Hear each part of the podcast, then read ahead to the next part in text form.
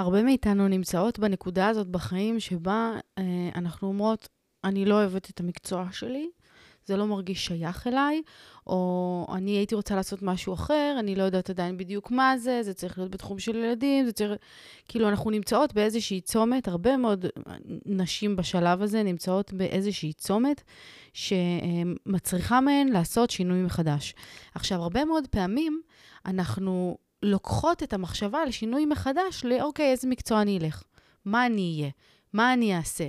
כאילו, אם עכשיו ייתנו לך טייטל מספיק יפה ומספיק טוב, זה יהיה תשובה מספיק טובה למה את צריכה לעשות. אבל אנחנו נוטות לטעות במקום הזה ולעשות פה טעות חמורה, שהרבה מאוד פעמים גורמת לנו להסתובב סביב הזנב של עצמנו.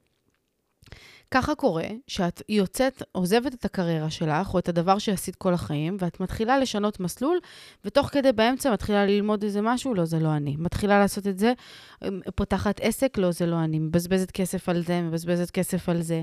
ויותר נורא מלבזבז כסף וזמן, זה להרגיש את התחושה המחמיצת לב הזאתי, של אבל מה אני צריכה לעשות? למה אני לא מרגישה משמעות? למה אני לא מקבלת מוטיבציה מהעשייה שלי? למה אנשים מסביבי מצליחים ליהנות ולאהוב את מה שהם עושים, ואני לא. למה? למה זה קורה לי? התחושה הזאת, יקירתי, היא כי את מתמקדת במקצוע במקום להתמקד בדבר החשוב באמת, שזה מי את ומה נועדת לעשות. פרק 235, משבר גיל ה-30. פתיח ואנחנו מתחילות.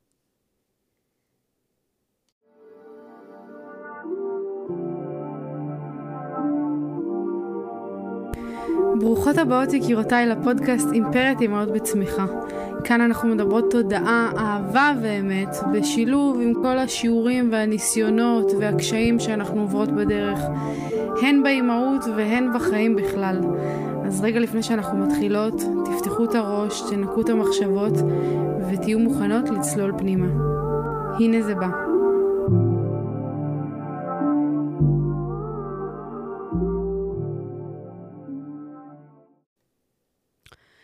אנחנו מתקרבות בצעדי ענק לגילאי ה-30. כשאני אומרת אנחנו, אני מתכוונת אליי ולאוכלוסייה הקרובה אליי. כאילו אזור גילאי 28, 29, 30, 31, כאילו זו, זאת הסביבה שלי כרגע ב, בשנים האחרונות, ואני שמה לב שגם אם עוד לא הגענו לגיל 30, וגם אם אנחנו כאילו מתקרבות לשם, וגם אם אנחנו קצת אחרי, הרבה מאיתנו חוות את משבר גיל השלושים.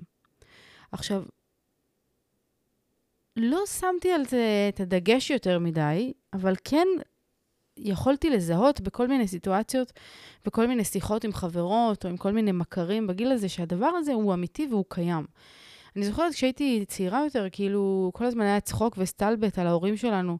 משבר גיל ה-40, משבר גיל ה-50, כאילו, תמיד היה איזה דיבור על אנשים יותר מבוגרים מאיתנו, שחווים איזשהו משבר בכניסה לעשור חדש בחיים שלהם.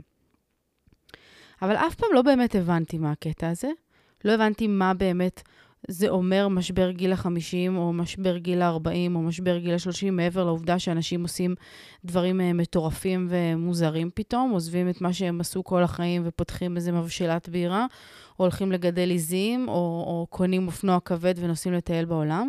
כאילו, אף פעם לא התעמקתי בזה יותר מדי, סביר להניח, כי זה באמת היה רחוק ממני, וזה היה רק כמו איזה בדיחה על אנשים שפתאום uh, באמצע החיים מרגישים...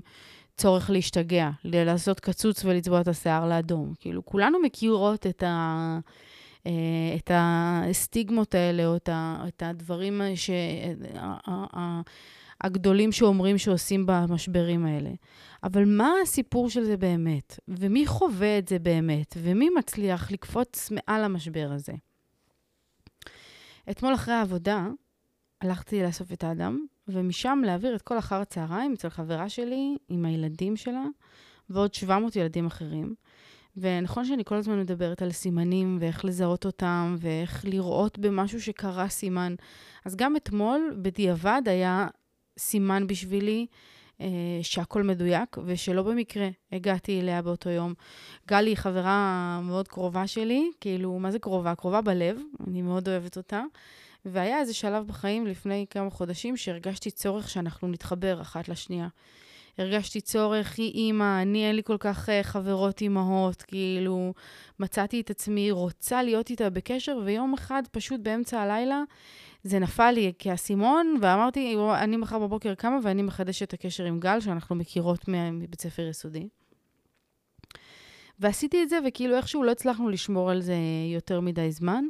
ואתמול בדרך uh, מהגן, אמרתי, כל הזמן אנחנו מנסות בהודעות, לנסות לקבוע, וכל פעם שזה בהודעה, אנחנו לא רואות את זה בזמן, וזה מתפספס ולא זה. אז בדרך הביתה אמרתי, אני אתקשר אליה, נראה מה היא עושה. אולי נלך לאיזה גינה ביחד, אולי אני אקפוץ אליה עם אדם, נראה מה קורה. הרמתי טלפון, והנה היא ענתה, והיא אמרה לי, מה קורה חיים שלי, תוך כדי שאני שומעת אותה עושה מיליון דברים ומדברת עם מיליון ילדים. אז היא אומרת לי, אני בבית, בואי, בואי, בואי עם האדם. אז אמרתי, טוב, עצרתי בדרך, קניתי אבטיח, מה שמזכיר לי שאני צריכה ללכת להוציא כסף ולשלם לו, כי הוא לא מקבל ביט. צריכה לרשום את זה. בקיצור, לקחנו אבטיח ונסענו לגל, ואיך שנכנסנו, איזה, לא יודעת, 12 ילדים, 13 ילדים, משהו מוגזם. לגל יש ארבעה ילדים בלי עין הרע, ועוד חברה שלה הייתה שם עם עוד שלושה ילדים, והחברים של הילדים, ואדם. קיצור, סדום ועמורה, מה שנקרא. ובין כל הצעקות והתחפושות והכדורים שעפו באוויר, הצטרפה האימא שהילדים שלה היו שם, הצטרפה גם האימא הזאת לחגיגה, ואיכשהו הצלחנו לפטפט ולהחליף כמה מחשבות. אני והאימא החדשה ניסינו להכיר אחת את השנייה, ושאלנו כזה, מה את עושה? מה את עושה? אני העדתי שאני לא טובה במינגלינג של אה, אימהות, כאילו, אני לא, לא מתרועעת עם, עם האימהות של הגן, לא יודעת, כזה. ואיכשהו בכל זאת נוצרה שיחה, והתחלנו לפטפט, ו... ואז הגענו לדבר על כאילו על מה אנחנו עושות, והיא שאלה אותי וסיפרתי לה, והיא נורא התלהבה, אמרת לי, וואו, איזה יופי, אני אומרת לה, כן, זה מגניב, זה טה-טה-טה-טה. ואז שאלתי אותה מה היא עושה. והיא אפילו לפני שהיא הוציאה את המילה הראשונה מהפה, ידעתי לזהות שהיא לא נמצאת בייעוד שלה. זאת גם איזושהי תובנה מאוד מעניינת שעלתה לי אה, ממש לאחרונה. כאילו, בימים האחרונים אני עוד מנסחת ומפענחת אותה בכל מיני טקסטים שאני כותבת, וגם בפרקים פה בכל מיני נגיעות. העניין הזה עם ייעוד זה העניין שלי, זה הקטע שלי. כאילו, שם, שם התשוקה האמיתית שלי נמצאת בלמצוא את הייעוד, בלהבין איך אנחנו מתקרבות אליו יותר ויותר. כאילו, כל הדבר הזה, מבחינתי, הוא אחד מהדברים הכי מעניינים שאני באופן אישי יכולה להתעסק בהם בחיים שלי. וכחלק מהדבר הזה, אני שמתי לב על עצמי שיש לי מין יכולת רנטגן לזהות ממש ברגע אחד אם בן אדם נמצא בייעוד שלו או לא נמצא בייעוד שלו, גם מבחינת קריירה, אבל גם מבחינת זוגיות וגם מבחינת כל, כל נתיבי החיים שלנו. אני כאילו רואה דרך האנשים את הדבר הזה. ובאותה שיחה שהייתה עם החברה הזאתי, אה, עוד לפני שהיא, שהיא פירטה יותר מדי על מה היא עושה, הבנתי שזה כאילו לא המקום שלה, שזה איזושהי נקודה שהיא התגלגלה אליה בדרך, והיא מוצאת את עצמה שם היום עם שלושה ילדים ומתחזקת מציאות, מה שנקרא. ותוך כדי השיחה, תוך כדי השיחה היא התחילה לספר לי שהיא באמת חושבת על שינוי מסלול, ואולי זה ילך לכיוון של ילדים, אה, אבל היא לא באמת בטוחה, ושגם אם כן, אז זה אולי יקרה בעוד איזה שנתיים, כי הילדים עדיין קטנים, והיא צריכה עוד ביטחון, ובמילים שלה, אני, אני אגיד את זה, היא אמרה, אני, זה לא יקרה עדיין, כי אני פחדנית. ואני חייבת להגיד קודם כל שיש לי חמלה נורא גדולה ל...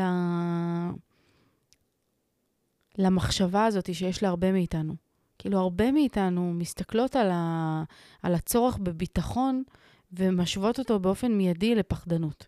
כאילו, אם אני, יש לי צורך להרגיש בטוחה וזה, זה אומר שאני פחדנית, כי אני לא מוכנה לעשות צעדים גדולים. אבל קודם כל, ואמרתי לה את זה גם באותה שיחה, מי שמעיזה להגיד על עצמה דבר כזה, מי שמעיזה להסתכל על עצמה בראי ולהגיד שהיא פחדנית, כנראה שהיא פחדנית בעיני עצמה, ועצם זה שהיא אומרת את זה, זה הרבה יותר גדול מאשר מי שלא מודע בזה. ועצם זה שאת אומרת את זה, נותן לך את הכוח וההבנה בכלל, שאת אומנם כרגע מרגישה פחדנית, אבל יש בך את הרצון להיות יותר מזה. ועצם הרצון ללהיות יותר מזה אומר שאת תהיי שם. אומר שאת תהיי שם. עצם ההבנה שאת לא מספיק אמיצה כמו שהיית רוצה להיות, עצם ההבנה של הדבר הזה, היא זאת שתיקח אותך למקום הזה של האומץ. גם אם זה לא עכשיו, וגם אם תצטרכי לעבור עוד כמה וכמה דברים בדרך. אבל אם את אומרת לעצמך שאת פחדנית בכל היבט שהוא, ואת מודה בזה ומתוודה בזה, אז קודם כל תהיי מאוד מבסוטה על עצמך, כי זה לא שם אותך במקום אה, אה, נמוך, או מסכן, או חלש, או וואטאבר. זה שם אותך במקום מודע, שמודעות היא הדבר הכי חשוב בכל, בכל שינוי שאנחנו רוצות לקיים או לייצר בחיים שלנו. בכל מקרה, גל שמע אותנו מהצד.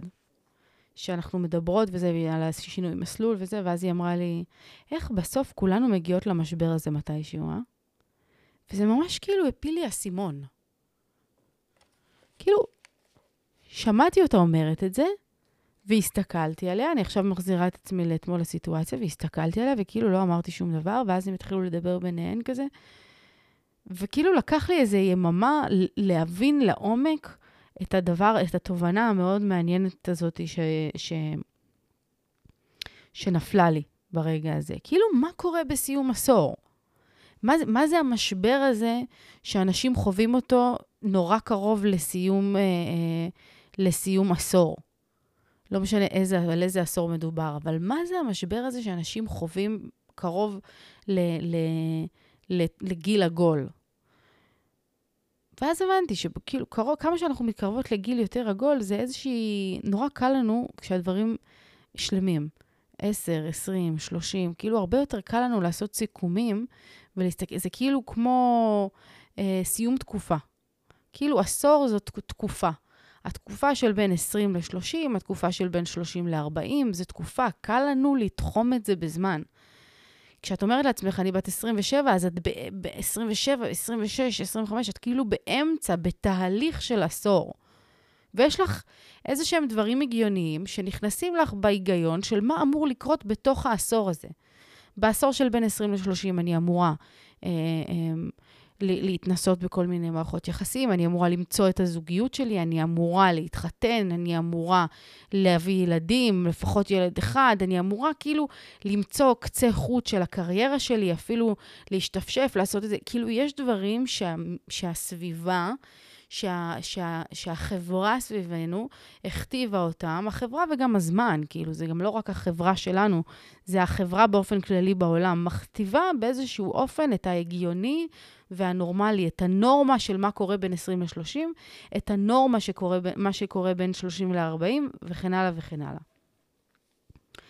ומה שקורה בסיום העשור שאנחנו נמצאות בו, זה שאנחנו מתחילות להרהר אחורה. מה השגתי עד עכשיו? מה יש לי?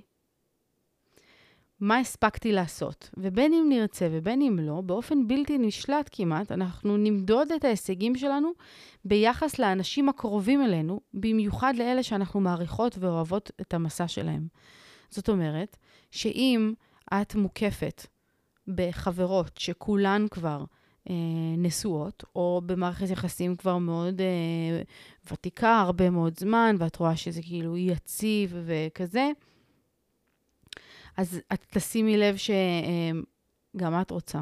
אם אותן נשים נמצאות בהיריון, או כבר עם ילד, או שני ילדים, ואת עדיין רווקה בלי שום אופק לזוגיות, פתאום המספר הזה, גיל 30, יעשה לך התקף חרדה. פתאום זה יעשה לך התקף חרדה. כאילו, את מסתכלת על האנשים סביבך, על החברים שלך, על החברות שלך, את רואה אנשים מתקבצים זוגות-זוגות, מתקרבים אחד לשני. ולך זה משאיר, זה משאיר אותך במין מקום כזה של, אני עוד רגע בת 30 ואין לי את הדבר הזה. אני עוד רגע בת 30, אני מסיימת את העשור, ומה שהייתי אמורה להשיג, לא, אין לי, וגם אני לא רואה אופק לדבר הזה. ואז מה שקורה זה את מרגישה מאוד מאחור. את מרגישה לא, בקצ... לא בקצב. ואז כשכל פעם מישהו יעגל את הגיל, של... את הגיל שלך ואת אפילו גם אם את עוד חודשיים בגיל הזה, למשל, אם את בת 29 ועוד חודשיים יש לך יום הולדת 30, ויגידו לך, ידברו בהכללה ויגידו, אנחנו כבר בנות 30, את תגידי, היי, היי, אני לא בת 30 עדיין, סליחה, אני בת 29. כי וזה כאילו אפשר לצחוק על זה מהצד, אבל בן אדם שחווה, אישה, גבר, לא משנה, שבן אדם שחווה את התחושה הזאת של מה שיש לו לא מספיק, לא יסכים שיקצרו לו את הזמן. כי הוא מבחינתו, כל טיפת זמן כדי לה, להדביק את הפער היא טיפת זמן חשובה. אז אל תגזלו לי ממה שעוד נותר לי. אני באמת חושבת שזה משהו כאילו שמובנה בנו, כאילו אנחנו, בין אם נרצה ובין אם לא, אנחנו באמת חיים את החיים שלנו במין השוואה כזאתי לאנשים שנמצאים סביבנו, לסביבה שלנו. אנחנו יצורים, בני אדם, הם יצורים חברתיים. אנחנו נועדנו להיות ביחד.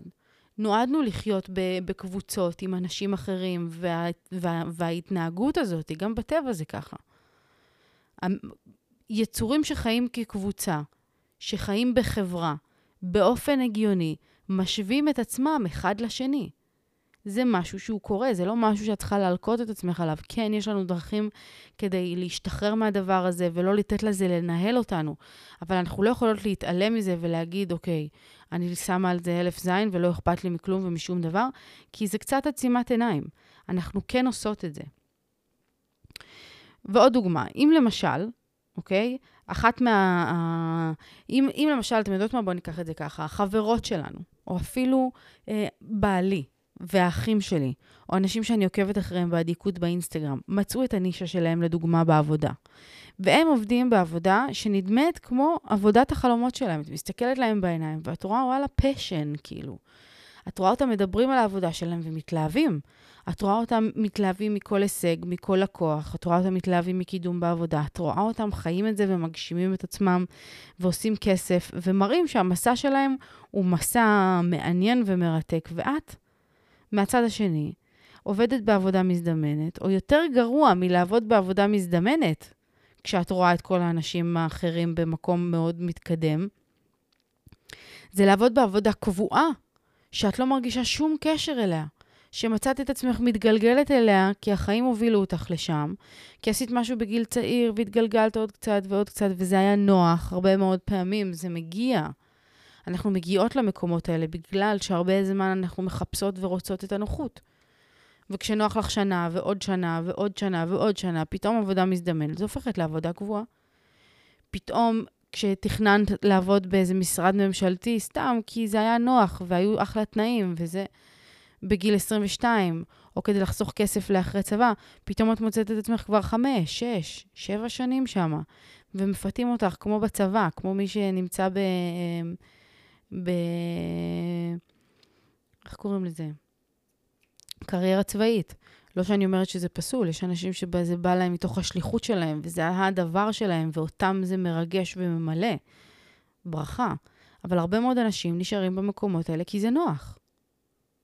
כי מביאים להם את כל התנאים הסוציאליים, ודואגים להם, ומביאים אותם, ויש להם משכורת טובה, והם לא עובדים בשבת, ויש את כל הדברים האלה שהם נוחים ללא כל ספק. אבל זה המקום שאת מוצאת את עצמך, כאילו, פתאום באיזה עבודה קבועה, ומאוד מאוד מאוד לא מרוצה, כי את מרגישה לא שייכת. משהו בפנים, עמוק בפנים, אומר לך, זה לא שלי. אני לא באה לידי ביטוי פה. אני לא מצליחה להוציא את עצמי החוצה כמו שצריך. וגם אם את לא יודעת לקרוא לזה בשם, התשובה היא, השם שאני הולכת לקרוא לזה, זה הדבר שמפריע לך באמת. את פשוט לא מצליחה להגשים את הייעוד שלך, וזה טבעי וזה נורמלי, כי יש ייעוד לבן אדם שאת. יש סיבה שהגעת לעולם הזה. היה יום שבו את נולדת, נבראת, ירדת לעולם כנשמה, ונכנסת לתוך גוף ונולדת ביום הזה. היום הזה, ובלי קלישאות ובלי שום דבר, אני חושבת שזה ציטוט של הרב קוק, אבל אני...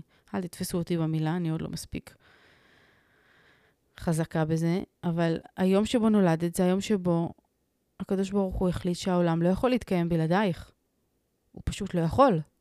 וזה לא סתם נאמר כדי שתרגישי טוב, זה כי יש תפקיד מסוים שרק את יכולה למלא. ואת יודעת מה? בוא ניקח את זה, נעשה איזושהי הקבלה כדי להנחית את זה קצת לארץ. גם אם בייעוד שלך את אמורה להיות, למשל, בשביל הדוגמה הפשוטה, עורכת דין. ויש עוד מיליוני תלפים, תלפים, תלפים של עורכות דין. מה שאת תוכלי להביא למקצוע לעריכת דין, השקפת עולם שלך, הניסיון חיים שלך, הסיבה שבגללה, שהמסע חיים שלך הוביל אותך לזה שאת תעסקי בדבר הזה, זה הדבר המדויק שאף אחד לא יכול להביא חוץ ממך. אז זה לא משנה שיש עוד 5,000 אנשים שנמצאים, זה 5,000? 5 מיליון אנשים שנמצאים באותו מקצוע כמו שלך. זה המקצוע, לא מה שהופך את ה... את ה זה לא מה שמביא את הייחודיות שלך. זה לא המקצוע. זאת השליחות שטמונה בו. זה מה למדת, מה עברת, מה המסע חיים שלך הביא איתו, ואיך את מוציאה את זה לידי ביטוי דרך המקצוע המסוים הזה. אוקיי? אז אם את נמצאת במקום כזה שבו את לא, לא מחוברת אה, לעבודה שבה את נמצאת, כאילו, ואת רואה את כל האנשים מהצד, אה, פתאום הכל בולט לך, פתאום, מה זה את רואה? פתאום את רואה בבירור מאוד, כמו ב... בתאורת ניאון, את כל האנשים שכן נמצאים במקום שלהם, רק אותם את רואה. את לא רואה את כל אלה שלא זה. את רואה רק את אלה שמרוצים, וזה מחזק לך ומאדיר אצלך את התחושה הזאת של אני לא שם. ואז מה שיקרה, זה שאת תימנעי מלדבר על העבודה שלך אם, שואל, אם לא שואלים. כאילו, אם אף אחד לא ישאל אותך, את לא תגידי מה את עושה. את לא ת... יהיה לך קשה למכור, או יהיה לך קשה אה, אה, להתמנגל ולדבר בגאווה על הדבר שאת עושה. לא כי את לא חושבת שהדבר חשוב, כי פשוט את לא מוצאת את השליחות בתוך הדבר הזה. ואם כבר כן תדברי, אז או שתצייני מיד שזה כדי לחסוך כסף, או שמאוד תתאמצי למכור את המשרה כמשהו מאוד נוח, וכן, זה ממש מסתדר לי עכשיו, וזה ממש נוח לי עם הלימודים, ודווקא עכשיו שיש לי ילדים זה מאוד סבבה. כאילו, את תתרצי קודם כל לעצמך, כן? כי כל פעם שאנחנו מתרצות לאנשים אחרים, זה קודם כל כדי לשכנע את עצמנו. אני אשכנע את עצמי שאני בסדר דווקא, כאילו, במקום הזה. אני דווקא בסדר לי בתקופה הזאת. אבל עוד שנתיים, עוד שלוש, אני אעשה את השינוי, כש, כש, כש, כש, כש. אבל את בעצמך בפנים עמוק עמוק יודעת שאם יכולת מחר להעיף את המשרה הזאת מהחלון, היית מעיפה אותה. ואת יכולה. אבל גם בדוגמה הזאת, כמו בדוגמה הקודמת, עניין הגיל לא יהיה לך נעים, כי הוא יזכיר לך, שכל, הוא יזכיר, יזכיר לך כל הזמן ש, ש, שהשעון מתקתק. שאנשים מתפתחים, ואת, במקום להתפתח, את פשוט לא זזה. במקום שחשוב לך. בין אם זה זוגיות ובין אם זה קריירה, את לא מצליחה להתפתח במקום שחשוב לך, וזה מה שמפריע לך. ומה הקטע? שלמרות שיש סטלבט מאוד גדול על משברים של אה, אה, ימי הולדת עגולים, לא כולם חווים אותם. מי לא? מי שלא חווה את משבר גיל ה-30, 40, 50 וכולי, זאת א', מי שמרוצה מההספק שלה, מי שמסתכלת על מה שהיא עשתה או מה שהיא השיגה עד היום, והיא אומרת, אני מרוצה. יש לי, הקמתי בית, אני עומדת בסטנדרטים החברתיים, בין אם זה בכוונה או לא בכוונה, אבל אני עומדת בזה. כשאני פוגשת אה, אנשים בגילי, אני איפשהו בתוך הטווח, זה הגיוני לי, זה בסדר לי, אני כבר בזוגיות יציבה, גם אם לא התחתנתי עדיין, אני בדרך לשם, אני יודעת את זה. כאילו, מי שמרוצה מההספק שלה, לא משנה אם זה מוצדק בעינייך או לא מוצדק בעינייך, מי שמרוצה מההספק שלה, לא תחווה את משבר גיל השלושים. שלמה, אני, שלמה זה מעניין לדבר על זה? כי כאילו המון פעמים כשאנחנו נמצאות באיזשהו משבר, אנחנו מספרות לעצמנו שכולם חווים את זה. גם אם לא כולם אומרים את זה. גם אם היא לא אומרת את זה, היא חווה את זה, אני יודעת, כולם חווים את זה. אבל האמת לאמיתה, וזה באמת שלא כל כך קל לשמוע, שלא כולם באמת חווים את זה. אז אחד אמרנו, מי שמרוצה מההספק שלה, לא תחווה את המשבר גיל השלושים הזה. מי עוד לא תחווה את משבר גיל השלושים, או ה-40, או ה-50? מי שיודעת לאן היא הולכת. עכשיו, שימו לב לדבר הזה שהוא מאוד מאוד מעניין. מספיק לנו לדעת לאן אנחנו הולכות כדי להסביר לעצמנו שייקח לנו עוד זמן להגיע. מה זה אומר? אם את עולה לאוטו ונוסעת כבר עשר שעות את בכביש, אבל את לא יודעת לאן את מכוונת.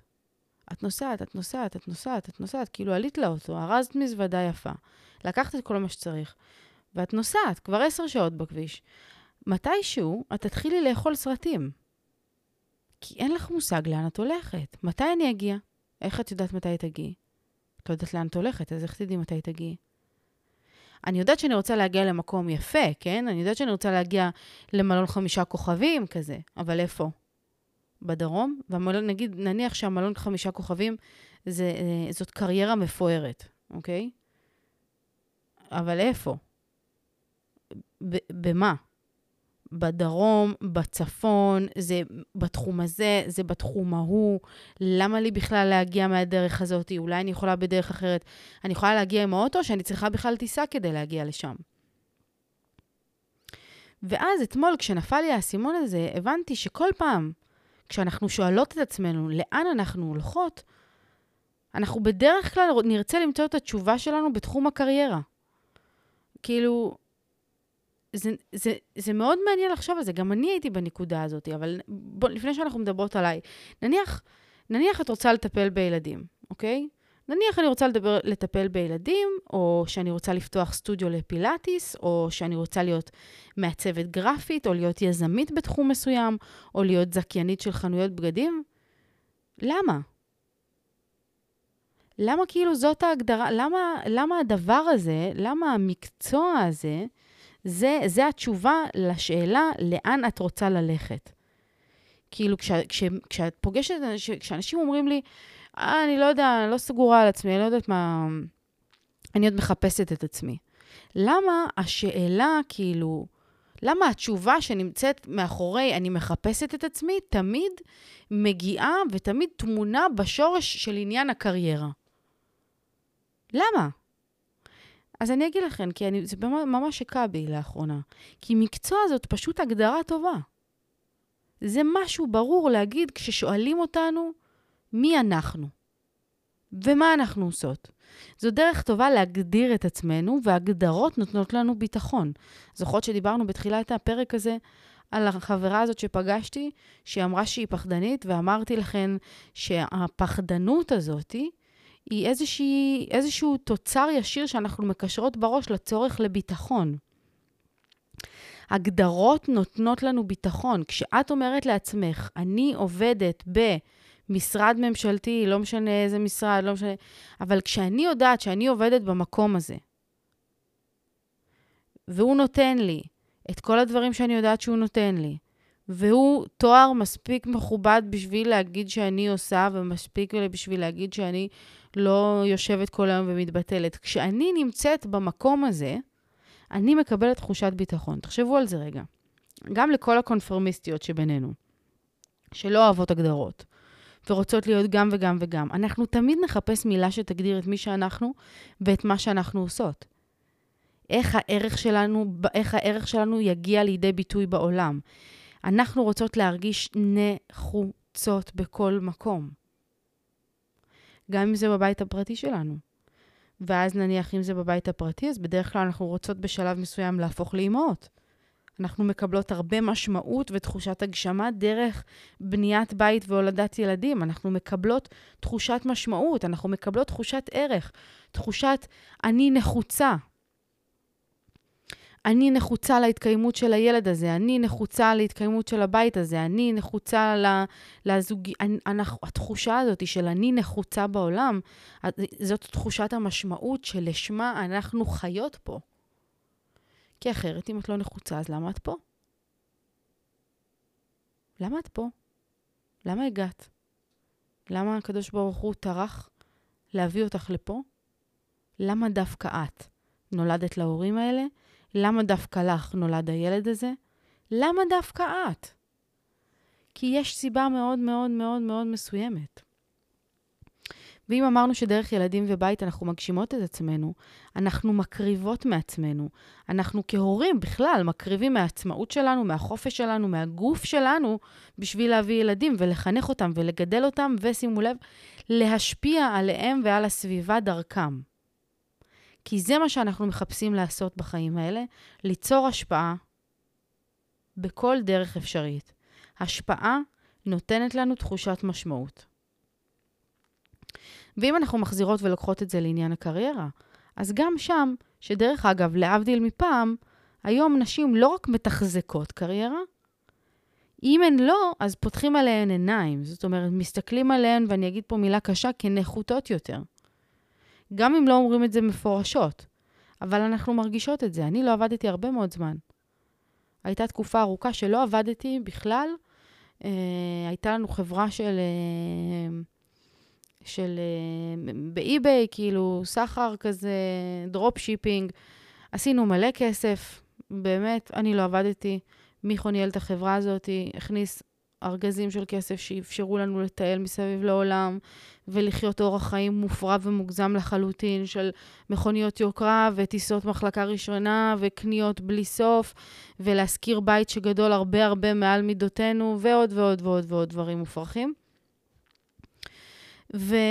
ועדיין, למרות שהכל היה, הרגשתי איך כולם מסתכלים עליי. הרגשתי את זה של כאילו, את לא עובדת? מה? אבל את לא... אבל זה של מיכו, זה לא שלך. אבל סבבה, זה לא הכסף שלך, זה הכסף שלו. ואת לא מגשימה את עצמך, ואת לא מפתחת את עצמך, ואת יודעת, יכול להיות שלא תישארו לנצח ביחד, ואז מה אם תיפרדו, מה יישאר לך? כל המחשבות האלה, כל השיחות האלה, כל הדברים האלה, הכל היה. אני יודעת מה זה. ואני יודעת, כל אחת מכן שנמצאת, במה, שמאזינה לפרק הזה ולא עובדת, או שלא מרגישה מספיק בטוחה במקום העבודה שלה, שהוא מספיק מוצג טוב, שהוא מספיק גדול, שהוא מספיק זה. אני מכירה את התחושה הזאת, אני יודעת מה זה, איך זה נראה. וגם אתן יודעות את זה, שאנחנו מרגישות נחותות אם אנחנו לא נמצאות שם, אם אנחנו לא עושות את זה. אז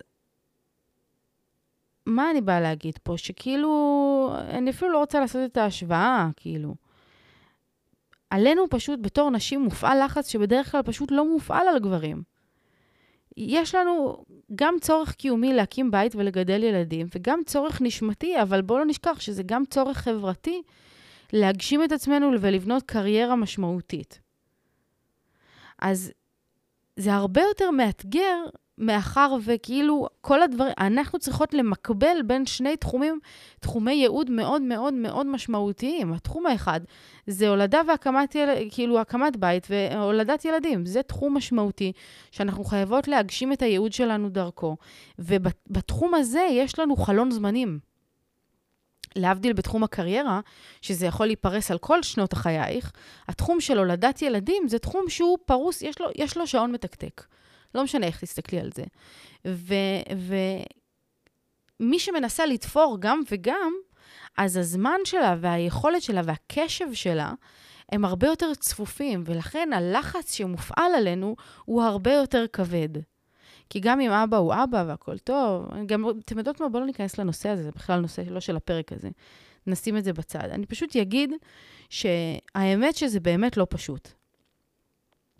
אני מצאתי את עצמי נקרעת הרבה מאוד זמן, ביני לביני, בתחום הזה. אני הייתי בבית במשך שנה וחצי, ב- ב- בתקופה ש... מאז שילדתי, כאילו הייתה את התקופה שלא עבדתי, ואז התחלתי לעבוד שוב בכל מיני מקומות, גם בעניינים של לחץ חברתי וגם בעניינים של כאילו תחושה. כן הרגשתי שאני רוצה להגשים את עצמי באיזשהו אופן לפני שאדם הגיע, וניסיתי כל מיני כיוונים, ייאמר לזכותו של, ה... של הצדיק שלי, של המיכו שלי, שהוא תמיד uh, תמך בי ונתן לי את כל הכלים, ו... ו... והיה שם בשביל לדחוף אותי למקום הזה. שאני יודעת שזה לא נמצא בכל מקום, ואני מאוד מאוד uh, מעריכה ומוקירה על זה. ואני גם uh, בהזדמנות הזאת, אני אכוון כל אחת מאיתנו uh, לשאוף לשם. גם אם היום היא לא רואה את זה בזוגיות שלה, שתשאף לשם. תדעו לכן שזה משהו שצריך להיות בזוגיות טובה ומקלקלת, בכף, שמקלקלת את הנשמה גם. כאילו, אנחנו רוצות להיות בתנועה ונורא קל לנו בתור נשים להיות אלה שדוחפות את הבעלים שלנו כל הזמן, ללכת, להתקדם, לעשות, להגשים, טה-טה-טה, אני אהיה פה, תסמוך עליי, אני אגדל, אני זה. זה יצר טבעי שאני מאוד מאוד מעריכה אותו, אבל בואו לא נשכח שאנחנו צריכות את הדבר הזה גם, ואסור לנו להתבייש בזה בשום צורה. אסור לנו להקטין את הדבר הזה, או, או גם אם אנחנו לא מקבלות את זה וזה כאילו, אנחנו מדפדפות את זה, נא לא לדפדף את זה. זה חשוב. זה חשוב לקבל את התמיכה הזאת ולהרגיש אותה בכל רמ"ח איברנו. להרגיש שאנחנו נתמכות על ידי הבן זוג שלנו ואנחנו נדחפות אל עבר הייעוד שלנו גם, אוקיי? ואני חוזרת אה, אה, לעניין הזה שאני הייתי בבית שנה וחצי עם אדם, ולקח לי הרבה מאוד זמן ליהנות מזה ולשמוח מזה. כי רגשות האשם של אבל את לא מגשימה את עצמך, התעוררו כל שני וחמישי. ואני באותה תקופה, כשראיתי את מיכו גדל, ומתפתח, ומכיר אנשים, ובונה את השם שלו. כשאני הייתי בבית ולא הצלחתי לחשוב על שום דבר חוץ מעייפות וטלטולים, אני קינאתי בדבר הזה. וקנאה בין בני זוג, קודם כל זה משהו שחייב להיות על השולחן. אם את מקנאה בבן זוג שלך, את חייבת להבדיל בין קנאה טובה לקנאה לא טובה. האם זאת קנאה שגורמת לי לחבל במאמציו, או האם זאת קנאה שגורמת לי לרצות גם ולהתפתח בעצמי? אם אנחנו מדברות על הסוג הטוב של הקנאה, תהיי מרוצה מעצמך. אם אנחנו מדברות על הסוג הרע של הקנאה, תפעלי לשנות אותה. אבל מתישהו קרה לי דבר מעניין בתוך, ה, בתוך התקופה הזאת שהייתי בבית ושרפתי לעצמי את המוח על זה שאני לא מגשימה את עצמי. אני חייבת להגיד שזה היה שילוב של כמה ספרים שקראתי, וטקסטים שכתבתי, ומחשבות שפרקתי לאנשים סביבי, אבל אני הבנתי שהדבר היחידי שאני מחפשת להרגיש, שימו לב למה שאני אגיד עכשיו, כי זה חשוב, הדבר היחידי שאני חיפשתי להרגיש, זה התפתחות. אני לא רציתי לקוחות, כי לא היה לי מה למכור להם. ואני לא רציתי עבודה, כי לא ידעתי באמת מה בא לי לעשות. אני לא רציתי לעשות mingling עם אנשים, כי זה רק היה מזכיר לי כל הזמן כמה אני לא בטוחה במה שיש לי לומר. אז כאילו הסתכלתי על מיכו וקינאתי בכל מה שיש בו, אבל לא באמת, כי לא רציתי את מה שיש לו. רציתי את התוצר לוואי שראיתי שהוא מייצר בחיים שלו. רציתי את ההתפתחות הזאת שהוא חווה. ולא ידעתי לקרוא לזה במילים. לא ידעתי להבין את זה בדיוק באותה צורה. רציתי להרגיש שאני מתפתחת, ושימו לב לשוס, יקירותיי. כדי להתפתח, אנחנו לא צריכות שום טייטל. אנחנו לא צריכות מקצוע. אנחנו לא צריכות הגדרה שמישהו אחר יעניק לנו. כדי להתפתח באמת, אנחנו רק צריכות לפתוח את הראש שלנו. וזה לא משנה אם עכשיו את נמצאת בבית עם הילדים ואת לא עובדת, או שאת נמצאת בעבודה מזדמנת, או שאת נמצאת בעבודה הקבועה הזאת, שכבר הפכה להיות אה, עבודה קבועה שאת לא סובלת. לא משנה באיזה שלב את נמצאת בחיים שלך, לא משנה מה, מה קורה כרגע בחיים שלך. אני לא אומרת לך, תעשי קלין קאט עכשיו, טה, טה, טה, תעברי, תעשי, תפוצצי את החיים. לא. אני אומרת שאת יכולה להביא וליצור את ההתפתחות הזאת שאת מייחלת לה מכל נקודה שבה את נמצאת. אוקיי? כי כל מה שאת צריכה כדי להתפתח זה להיות עם ראש פתוח. את צריכה להיות מודעת לעצמך, ולהיות מודעת לעצמך. דרך אגב, בהמשך להתחלה של השיחה, אם את אומרת על עצמך שאת פחדנית, תהיי גאה בעצמך שאת אומרת את זה, כי זאת תחילתה של מודעות. ומודעות זה אחד מהדברים החשובים ביותר בדרך שלנו להתפתחות. אוקיי? את צריכה לחקור את התחומים שמעניינים אותך. איך חוקרים את התחומים שמעניינים אותנו? איך אני יודעת מה מעניין אותי? כי גם זאת שאלה שחוזרת על עצמה.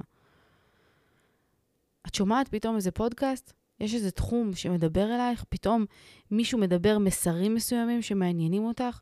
תשאבי לשם, כאילו, דברים שמעניינים אותנו, שכאילו סוחפים אותנו, שתופסים בנו איזושהי נקודה פנימית שמרגישים לנו כאמת, זה סימן, אני חוזרת עוד פעם, אני תמיד אחזור לעניין הזה של סימנים. זה סימן בשבילך, אוקיי? כשמשהו מעניין אותך, פתאום מלהיב אותך, פתאום מרגש אותך, זה סימן בשבילך ללכת ולבדוק אותו. זה סימן בשבילך ללכת ולחקור אותו עוד קצת, יותר לעומק, יותר לעומק. אוקיי? אז תתחילי לשים לב לתוכן שאת צורכת. לאחרי מי את עוקבת באינסטגרם או בפייסבוק שמעניין אותך מה שהוא אומר. תעקבי יותר. תנסי לקבוע שיחה עם הבן אדם, תנסי ליצור אינטראקציה עם הבן אדם. תנסי להתערבב עם אנשים שמדברים את הנושאים שמעניינים אותך. תנסי להכיר אנשים שאפילו, גם אם את לא מכירה אותם באמת והם נדמים לך כאנשים מעניינים, תנסי להכיר אותם. תנסי להבין מה הם עושים. איך, למה, כמה, תשאלי שאלות, אבל לא סתם עם כל בן אדם שעובר בדרך שלך, עם אנשים שמעניינים אותך. תתחילי לקרוא. תבקשי המלצות מאנשים שאת מעריכה על ספרים. את עוקבת באינסטגרם אחרי מישהי שאת מעריכה, את מאזינה לפודקאסט של מישהו שאת אוהבת, שלחי להם הודעה, תפסיקי להתבייש, תפסיקי לחשוב שאם מישהו כתב ספר, אז הוא אלוהים, ואם אה, מישהו יש לו פודקאסט, אז הוא הסגן של אלוהים, ואם למישהו יש 50 אלף עוקבים, אז הוא המלך. אין, תפסיקי להתייחס לדברים האלה. הנתונים האלה הם נתונים קטנים ומינוריים, וכל בן אדם מפורסם, מוכר, מוצלח ככל שיהיה, הוא מוצלח רק כדי שאנחנו נלמד ממנו. הוא עושה את מה שהוא עושה, והוא מקבל את ההכרה ואת העילה של מה שיש לו, רק כדי שעוד אנשים יוכלו ללמוד ולהתפתח. ולכן, זה לא הוא יעשה טובה והוא יענה לי. את עושה טובה לו, כי את נותנת לו את האפשרות לעזור לך להתפתח. זה דו-כיווני, העניין הזה. כל אותם אנשים שאנחנו מעריצות ומעריכות, ו... זה דו-כיווני. כדי שאנחנו נעריך את מה שהם עושים, אנחנו, הם צריכים לעבוד. וזה בדיוק העניין גם עלינו. כדי שאנחנו נעריך את מה שאנחנו עושות, אנשים צריכים לעקוב אחרי התוכן שלנו. אנחנו צריכות לעבוד בשביל ללמד אנשים, בשביל לתת להם, בשביל להעביר, כאילו, התוכן בסוף הוא הדבר היחידי שחשוב, אוקיי? ולקרוא ספרים, ולכתוב את הרגשות שלך, ולהאזין לפודקאסטים, ולצאת החוצה, ולעשות ספורט, ולדבר עם אנשים שמעניינים אותך. ובגדול, לעשות כל מה שמחזיר אותך לרגע הזה, שזאת גם זה גם איזשהו משפט מפוצץ שהרבה פעמים אנשים לא יודעים איך להתמודד איתו, וגם אני עוד מבררת. אבל ברגע שאת נוכחת ברגע הזה, את מפסיקה לחשוב על כל מה שאין לך, אוקיי? אם את נוכחת ברגע הזה ואת אומרת, אני במסע שלי, אני עושה כל מה שאני יכולה כדי לעשות את המסע הזה בצורה הכי טובה שיש. אני חוקרת, אני לומדת, אני, אני מקבלת את עצמי, אני מבינה מה כואב לי, אני שואלת את עצמי שאלות, אני לא מרימה ידיים. אבל אני נמצאת בדרך שלי. כל עוד אני במקום הזה, אז אני ברגע הזה, אוקיי? אלה הדברים שאנחנו כן צריכות לעשות כדי ליצור את ההתפתחות הזאת. כמובן שיש הרבה קורסים והרבה, כל ה-NLP ו-CBT, ויש מיליון ואחד אה, אה, אנשים מקצועיים שיכולים לעזור לנו בדבר הזה. אבל לפני שאת מגיעה לאנשים המקצועיים, אם את עוד לא מרגישה שאת בשלב לקורס או למשהו כזה, תדעי שזה יכול להתחיל ממך. זה יכול להתחיל פשוט מלהסתכל על אנשים סביבך ולהחליט איזה תוכן את צורכת ומה את עושה איתו. מה אנחנו צריכות להפחית כדי ליצור את ההתפתחות הזאת שאנחנו מדברות עליה? להפחית קודם כל חדשות וטלוויזיה, אוקיי? זה הדבר הראשון שאני אגיד למישהי שנמצאת בנקודה כזאת, לעשות, להפחית חדשות וטלוויזיה, אם לא למגר לחלוטין. אני לא רואה חדשות בכלל, אם זה מעניין מישהי. בכלל, בכלל, בכלל, אלא אם כן קרה עכשיו איזה משהו מסוים שאני רוצה להתעדכן עליו, שעה של הפגנה, או פיגוע מסוים, חס וחלילה, או כל מיני דברים כאלה. אני לא רואה חדשות, אין לי מושג, לא זוכרת אפילו מה הסאונד של החדשות. כמות האנרגיה שלנו מוגבלת. ומה שצורך מאיתנו הכי הרבה אנרגיה זה הפחדות, מידע מיותר ובזבוז זמן. חדשות, כל מה שהם עושים שם זה להפחיד אותנו ולתת לנו מידע מיותר שלא באמת, ושימו לב לדבר הזה, הוא לא באמת רלוונטי אלינו. כי גם אם עכשיו מדברים, נלך על דוגמה אה, עכשווית, גם אם עכשיו מדברים על אה, על ההפגנות שקורות בחוץ, על חוק הסבירות, נכון? זה השם של הדבר הזה. כמה זה באמת רלוונטי אליי? אני יודעת שהנושא הזה הוא מאוד שנוי במחלוקת, וכאילו אפשר נורא להסתכל ולהגיד, אבל אם את לא יודעת מה קורה במדינה שלך, ואם כולנו לא נתעסק בזה, אז כולנו נג... אה, אה, נמצא את עצמנו חיים במדינה, במדינה דיקטטורית, אבל אני מבקשת ממך לחשוב רגע בראש פתוח על, על הדוגמה הזאת, ולהגיד לעצמך, מה אני יכולה לעשות כדי לשנות את הסיטואציה? אני נניח לא מסכימה עם זה שמעלים את, ה, את, את החוק הזה. מה אני יכולה לעשות כדי שהדבר הזה יקרה? אבל לא רק מה אני יכולה לעשות, זה איפה ההשפעה שלי תהיה הכי גדולה, אוקיי? אם אני בן אדם שבמהות שלו, בקישקע שלי, בוער כל עניין הפוליטיקה ולהשפיע מהבחינה הזאת וליצור וחוק וכל הדבר הזה, אז תמצאי את הדרך שלך. יכול להיות שהפגנה זאת הדרך שלך. אבל אם לא, וזה הרוב, אם לא, אם את מרגישה שהתרומה שלך באה לידי ביטוי במקומות אחרים, תשקיעי את האנרגיה שלך במקומות אחרים. ואל תבזבזי את הזמן שלך בלשמוע בחדשות את מה שכבר שמעת אלפי פעמים ואת יודעת שקורה, וממשיכים להגיד לך, וממשיכים להסית אותך, וממשיכים להפחיד אותך של מה יקרה אם החוק הזה יעבור, ואנחנו נהפוך למדינה דיקטטורית, וככה וככה וככה, ומספרים לנו רק דברים שהולכים להיות בעתיד ולא רלוונטיים לכאן ועכשיו. לא רלוונטיים לכאן ועכשיו, זה מוציא אותי מהרגע הזה, זה לא מאפשר לי בשום צורה ליצור התפתחות, ואם אני לא מתפתחת, אני לא יכולה להשפיע על שום דבר ועל אף אחד. אוקיי? אז גם אם הכוונה שלי טובה וטהורה, ואני רוצה שמדינת ישראל תישאר מדינה אה, ליברלית ודמוקרטית וכולי וכולי, ואני מרגישה שהחוק הזה הולך לפעול, לפעול נגד, אם אני יודעת, ואני צריכה להיות מאוד מודעת, עוד פעם, זה חוזר למקום של המודעות, אם אני יודעת ומודעת לאיפה ההשפעה הכי גדולה שלי, שם אני צריכה להיות, ולא לתת לשום הפחדה, לשום חדשות, לשום דברים שנאמרים בתקשורת, להשפיע עליי. ואני צריכה להיות ממוקדת בעשייה שלי ולהבין שכשאני אגיע למיצוי יכולת ההשפעה שלי, בדבר שאני טובה בו, בדבר שאני אוהבת, בדבר שממלא אותי באמת, שנותן לי תחושת משמעות, אז שם אני אוכל ליצור את ההשפעה גם מהבחינה המדינית, אוקיי? אני אתן דוגמה, נניח, אה, סתם זורקת, אוקיי? נניח איזה ניר דובדבני, או איזה, אה, ניקח את זה לעולם קצת יותר שלנו, של אושיות רשת וכאלה, נניח נטע אלכימיסטר, אוקיי? היא מייצרת את ההשפעה, היא מייצרת את ההשפעה שלה במקום מסוים. היא מייצרת, היא עובדת, היא עושה את כל העבודה שלה ומשקיעה את כל האנרגיה שלה וצוברת את הקהל שלה, אוקיי? ומייצרת את ההשפעה שלה כדי שיום אחד היא תוכל להשתמש בה בכל מקום שהיא תבחר לנכון. אם היא תרצה להגיד עכשיו ולדבר על אה, חוק הסבירות, אם זה יבער בעצמותיה, היום יהיה לה הרבה יותר יכולת ליצור השפעה מאשר לפני שהיא הייתה משהו. כשהייתה אנונימית וקטנה ולא מורגשת, אוקיי? כשאנחנו משקיעים את האנרגיה בלהתפתח בכוחות עצמנו כאנשים, להגשים את הייעוד שלנו, את השליחות שלנו, את הדבר שנועדנו לעשות, אנחנו גדלים באלפי מידות. באלפי מידות, ואז כשנרצה ליצור שינוי משמעותי בכל תחום שהוא, יכולת ההשפעה שלנו תהיה הרבה הרבה יותר גדולה. זה היה בנושא, נמרחתי פה קצת, אבל זה היה בנושא החדשות והטלוויזיה של להפחית ולהוציא לסל וחסל, מה שנקרא, אוקיי?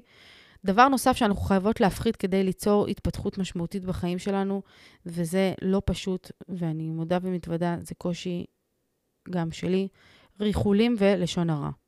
כי הכי פשוט בעולם, כשאנחנו מדברות רע על אנשים אחרים, אנחנו מזמנות את אותה אנרגיה אלינו. אין, אין אפס בדבר הזה. כשאת עסוקה בלהסתכל על אנשים אחרים, לקנא, להיות צרת עין, להגיד למה לה יש, למה לי אין, וגם אם את לא אומרת את זה מפורשות, אבל זה מה שאת מרגישה, ואת מדברת ומלרלרת על אנשים אחרים, את מזמנת לעצמך את אותה אנרגיה. את מזמנת לעצמך את המרמור, את מזמנת לעצמך את זה שזה לא יקרה לך. את חייבת להתחיל לדבר בטובתם של אנשים, ותעשי לעצמך הרגל שאם את רואה בן אדם שאת מקנאה בו על משהו מסוים, תעשי לעצמך הרגל באופן יזום, כן? זה סוויץ' בראש, להגיד את ההפך. את מקנאה על זה שלה יש עסק ככה וככה, תגידי, וואו, איזה אלופה שהצליחה להרים עסק כזה וכזה. איזה מטורפת היא שהיא מצליחה ליצור כזאת שגרה של אימונים. איזה טה-טה-טה-טה. כל פעם שאת מקנאה על דבר מסוים, תנסי באופן יזום להפוך את המחשבות למקום של פרגון, ואז את תראי שינוי משמעותי בחיים שלך, כי את תתחיל, תתחיל לזמן לחיים שלך את האנרגיה הטובה. את תתחיל לזמן לחיים שלך את אותה אנרגיה. כשאת מדברת לטובתם של אנשים אחרים, אנשים אחרים יתחילו לדבר לטובתך. והאנרגיה הזאת היא נשמעת ביקום ומתקיימת. דבר נוסף שאנחנו חייבות להפחית כדי להגיע וליצור התפתחות בחיים שלנו, זה להפסיק, או לפחות להפחית תכנונים. תפסיקי לעשות רשימות של כל הדברים שאת רוצה להספיק ולא מספיקה. פשוט תפסיקי עם זה. די עם כל list המוגזמים הארוכים, כמו, כמו הגלות שאין להם סוף, אוקיי? תפסיקי לעשות את זה, ותפסיקי גם לתכנן תכנונים רחוקים מדי. זה מוריד את המוטיבציה כשאנחנו לא עושות את זה, ויותר גרוע מהכל, זה מוציא אותך מהרגע הזה. בסדר? אני לא אחזור לזה, אבל זה פשוט עושה את זה. אז נא להפחית בתכנונים.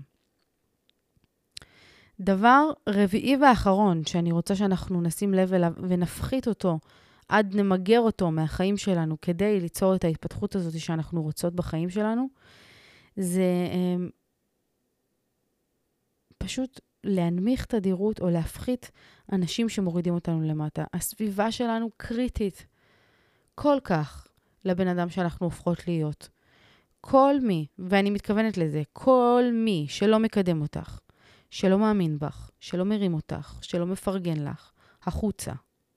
במידת האפשר, כן? אני לא אומרת עכשיו תמחקי את ההורים שלך מהחיים, אבל מה כן? תחליטי למי את מספרת מה. תחליטי מה את משתפת ומה את לא משתפת.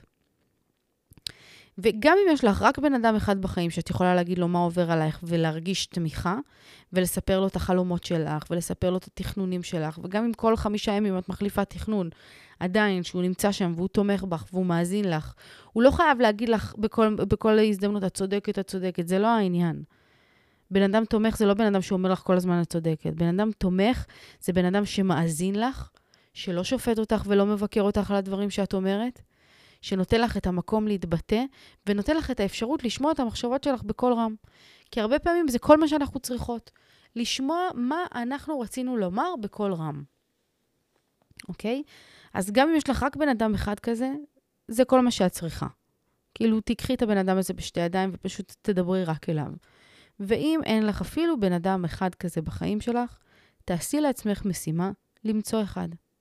זאת כנראה תהיה המשימה הכי משמעותית וחשובה שאת יכולה לעשות לעצמך כרגע, וכל הפרק הזה כנראה, כנראה, כנראה, כנראה, בא בשבילך רק בשביל שאת תקבלי את המסר הזה, ותקדישי לעצמך עכשיו את כל הזמן ו- ואנרגיה שיש לך כדי למצוא בן אדם אחד כזה בחיים שלך, שאת יכולה להרגיש איתו בנוח ולדבר איתו ולהרגיש שהוא שם בשבילך. חבר יקר סיפר לי, אשתף אתכן בזה, אנחנו, הוא סיפר לי שהוא שם לעצמו למטרה להקיף את עצמו רק באנשים שחיים את הייעוד שלהם. הוא ממש שם לעצמו את זה כמטרה, הוא סיפר לי את זה וכאילו נטרף לי המוח. אמרתי, וואו, איזה, איזה החלטה מטורפת זאת. איזה החלטה עוצמתית, איזה החלטה משנת חיים זאת. ורואים את זה עליו. אתם מבינות מה אני אומרת? רואים את זה עליו.